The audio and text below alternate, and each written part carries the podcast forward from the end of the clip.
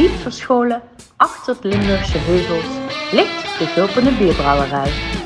Dit is de Gulpene podcast waarin onze directeur Jan Paul verschillende thema's bespreekt met verschillende mensen. Veel plezier! Beste biervrienden, welkom op onze vijfde blog. Podcast. Ehm, sorry? Podcast. Sorry, we zijn een podcast aan het opnemen, excuus. Bloggen doen we een andere keer. Vijfde podcast. Eh, we zitten hier met z'n drieën aan tafel. Claire, eh, onze dame van eh, de afdeling communicatie, die ook de techniek verzorgt en ons scherp houdt.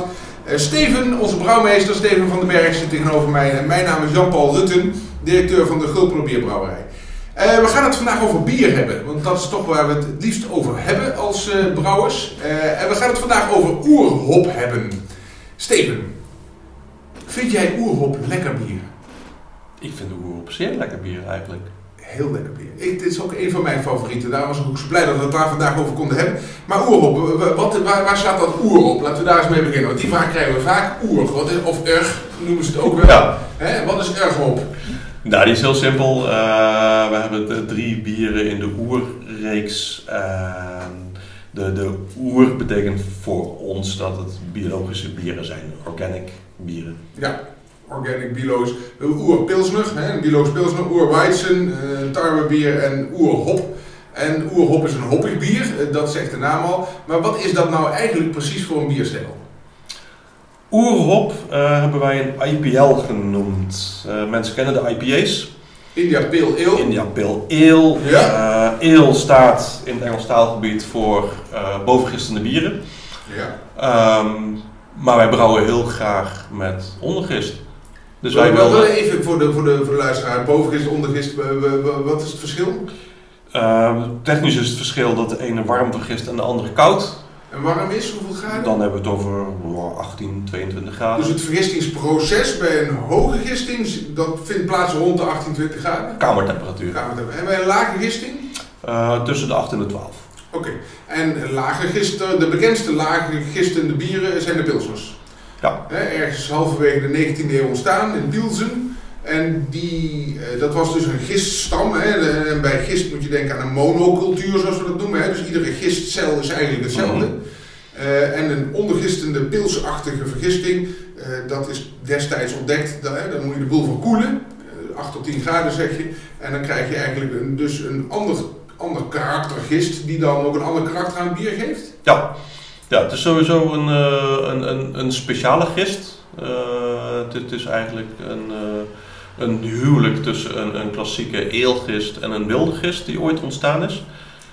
Ons pilsgist. De pils, de pilsgist in het algemeen, Ja, hè, dus die heeft uit de natuur heeft die een eigenschap overgenomen waardoor die weer in de koude kan vergisten, wat eigenlijk brouwers eh, waren kwijtgeraakt bij hun gisten.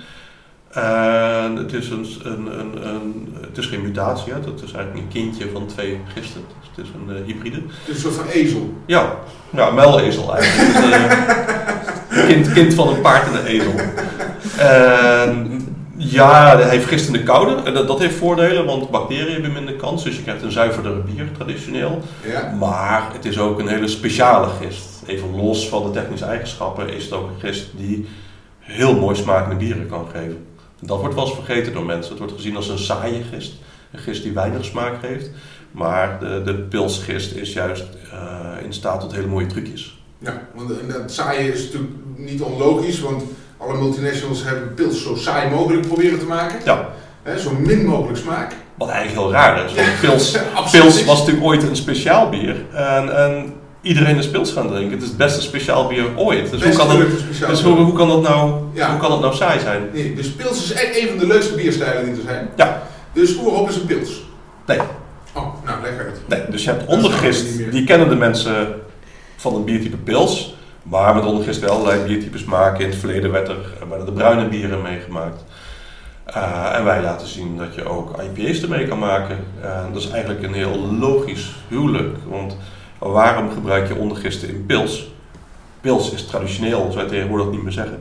Ze waren hele hoppige bieren. Ja. Eh, je wil dan niet dat jouw gist die je daarbij gebruikt, al die mooie hop die jij koopt om in je brouwsel te verwerken, dat de gist die, die mooie hoparoma's vernietigt. Nee. Want bovengistende gisten, die, die zijn daar nog wel een handje van. Die eten alles, ook aroma's. Oké. Uh, de pilsgist uh, zorgt eigenlijk dat de aroma's uit de hop juist heel mooi vrijkomen. Dus zelfs verborgen aroma's uit de hop worden vrijgemaakt, waardoor heel veel ondergisten juist, die pilsgist juist heel goed in staat zijn om hele mooie hoppige bieren te produceren.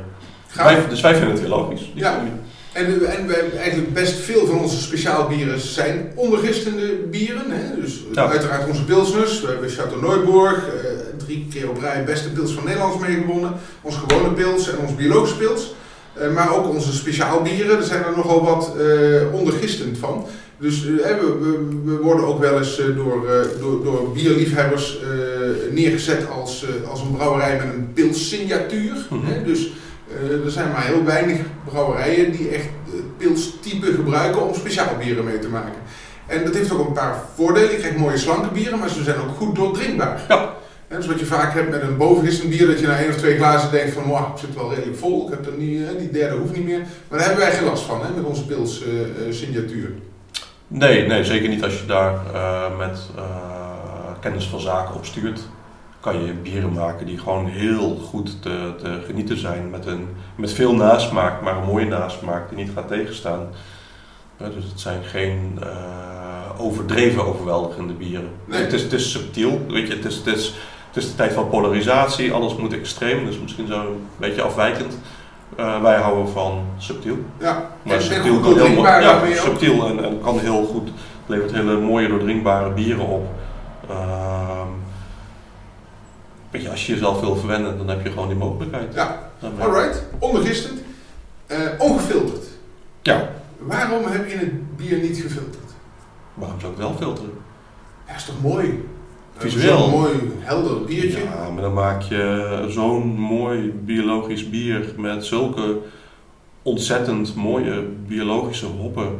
En dan ga ik door een filter halen en dan ga ik weer smaak eruit halen. Ik vind dat eigenlijk wel heel jammer. Dus als je het niet filtert, dan hou je meer smaak in het bier? Uiteraard. Oké. Dat is, waarom filteren we überhaupt onze bieren dan nog? Doen we ook steeds Doen we eigenlijk Doen we eigenlijk steeds ja, minder. Alleen nog maar met pils, hè? Ja. Ja, dat snappen mensen nog niet. Hè? Als je een pilsje troebel op, op, de tap zet, dat wordt nog niet Nee, nee dat wordt toch geassocieerd met bederf. Terwijl het wel lekkerder is. Ja. Ja, grappig is dat. Oerhop is dus ongefilterd. Het gaat eh, dus niet door de filter, het gaat wel door een centrifuge. Ja.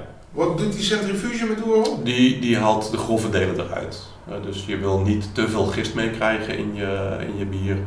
Uh, gist is levend wezen. Die, die uh, kan ook sterven en dat geeft smaakbederf. Dus je wil een mooi bier, het mag troebel zijn, maar er moeten geen grote brokjes in zitten. Ja, dus alle, alle lekkere smaakstoffen laten we achter. Ja. Grote brokjes houden we eruit. En dan uh, even voor die centrifuge, wat doe je nou precies met hop? Want het is oerhop. Normaal geef je een klassiek bier, althans is het natuurlijk helemaal, niet helemaal zwart-wit, geef je hop, hop in het brouwhuis Mhm. hè, tijdens of na het kookproces. Dat is, uh, met name geeft dat dan een bittere hop uh, component. Maar hier zitten ook heel veel aroma's in, Ja. hoparoma's. Wanneer geef je de hop dan? Ja, nu ben je duidelijk op zoek naar de vraag van, doen wij draaihopping? Ja, Maar ja, Paul, je kent me, dat is natuurlijk niet geen simpel antwoord. Ja, we doen draaihopping. Maar, ehm, net als een goede schilder, het, het heeft natuurlijk niet zo heel veel zin om eh, kleurtjes op een, zomaar op een wit canvas te gooien. Eh, dus in de brouwzaal beginnen wij eigenlijk al met de draaihopping, vinden wij. Dus we leggen al een basis ja, eh, met mooie hoppen. We, we zijn niet een brouwer die zegt van, boah, in de kookketel dat geeft alleen maar bitterheid. Dus complete kwats. Eh, maakt niet uit welke bitterhop je gebruikt, ook die geven smaak en aroma. ja. Eh, dus in de kookketel beginnen we al met een hele mooie hopbasis in de bitterheid. En niet zomaar bitterheid, maar een, een, een zachte bitterheid en dan heel veel. Dat is een, een oude kunst die, die veel brouwers verloren zijn. In de kookketel gaan we ook al aromahoppen toevoegen. Eh, om ook de, de minder vluchtige aroma's eh, omhoog te krijgen. Ook tijdens het koken, na Tijdens het koken. het einde koken al. Ja. ja. Ehm, en dan gaan we in de, de, na de gisting, na de hoofdgisting, gaan we in het bier eh, ook weer hop toevoegen in de, in de fermentatietank. Tijdens Dat het lagere. Dat tijdens het lagere. En dat is dan de zogenaamde draaihopping met een mooi Nederlands woord. Maar een techniek die eigenlijk al heel lang wordt gebruikt in eh, Europa. Ja, Daar gebruiken we een Engels woord voor, eh, omdat de Amerikanen denken dat zij het hebben uitgevonden. Maar het is eigenlijk droog hoppen. Drooghoppen, uh, hopfenstoffen in het Duits, uh, wasje. Het bestaat al eeuwen. Het bestaat al eeuwen. En, en daarvoor moeten ze bij ons uh, de tank opklimmen. Hè? Met ja, dat is een beetje jammer. We hebben, ja, we hebben een heel efficiënt, heel efficiënt tankontwerp. We zijn er een paar brouwers aan verloren tussentijd. Ja, die zijn, ik weet niet waar ze zijn. die zijn kwijtgeraakt. Ja.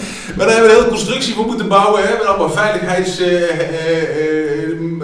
uh, uh, waar ze in moeten klimmen. Ja, we hebben een soort van circusattractie moeten bouwen. Ja, en dan kunnen ze ook uitvallen. Dan, dan zakken ze langzaam naar beneden. Ja. En, tegenwoordig gaat dat heel veilig. Zeer verantwoord. En dus de hop gooien ze eigenlijk boven in de tank erbij. En wat doe je dan om die hop ook goed door dat bier te krijgen? Ja, die hop die zakt natuurlijk uit hè, vanzelf, dus uh, dat heeft natuurlijk niet zoveel zin, want dan heb je uh, onderin een tank heel veel smaak en bovenin niks. Uh, dus we passen de simpelste techniek, techniek toe die je maar kan bedenken. We blazen gewoon van onderuit blazen we koolzuurgas in, de, de, de belletjes in het bier. Ja. Dat gas hebben we toch voorradig. dat bellen we langs, blazen we langs onder erin om op die manier de hele tank weer door elkaar te mengen. Ja. En dat doen we een paar keer. En op die manier zorgen dat het bier zo goed mogelijk in contact is met, uh, met de hop. En daarom zijn we ook zo blij met die centrifuge, want op het moment dat wij vinden dat de smaak optimaal is, en hoe langer de hop in contact is, hoe meer er gewoon wordt overgedragen. En ze zijn niet allemaal super. Uh, op het moment dat wij de smaak ideaal vinden, halen we het hele bier door de centrifuge heen en stopt het proces. Ja, gaaf. En normaal gesproken, eh, bedoel, de hele wereld uh, maakt IPA's wij doen dat dus dan net weer iets anders. Het is eigenlijk IPA-ish is het. Alleen dan geen bovengister, maar een ondergister, omdat we vinden dat je daar mooie, slanke, goed doordrinkbare speciaalbieren mee kunt maken. Met een hopperome. Met een hele mooie hopperome. Uh, een van de bieren waar we echt trots op zijn, een van de bieren die helemaal passen in alle moderne ontwikkelingen die we om ons heen zien. Uh, een van de bieren waar we ook heel veel positieve feedback over krijgen, Oerop. Een van de biologische bieren die we maken van de brouwgerst uit de eigen regio, onze biologische boeren. Uh, en, uh, en ook de hoppen zijn uiteraard biologisch, anders mag je het hele bier niet biologisch noemen. Zo simpel is het. Nee. Volgens mij. Uh, zijn we nog iets vergeten over dit bier? Volgens mij hebben we hem... Jullie hebben hem helemaal uitgekleed. Ja, we hebben hem helemaal uitgekleed. nou, volgens mij wordt het tijd dat we een beetje gaan inschenken, want ik heb er een droge mond van gekregen. dank jullie wel voor het luisteren naar deze podcast. De vijfde was het volgens mij. Um, ik moest ook nog iets vertellen, Claire. Wat ja, als je het leuk vindt, volg het dan op Spotify of op je favoriete podcast uh, kanaal. En uh, geef een leuke review. Ja, en als je hem volgt, krijg je ook weer te horen wanneer er weer een nieuwe podcast online komt. Iedere week, iedere twee weken proberen we er weer eentje toe te voegen. En voor je het weet, uh, snap je echt wie we zijn. veel luisterplezier en tot in volgende podcast.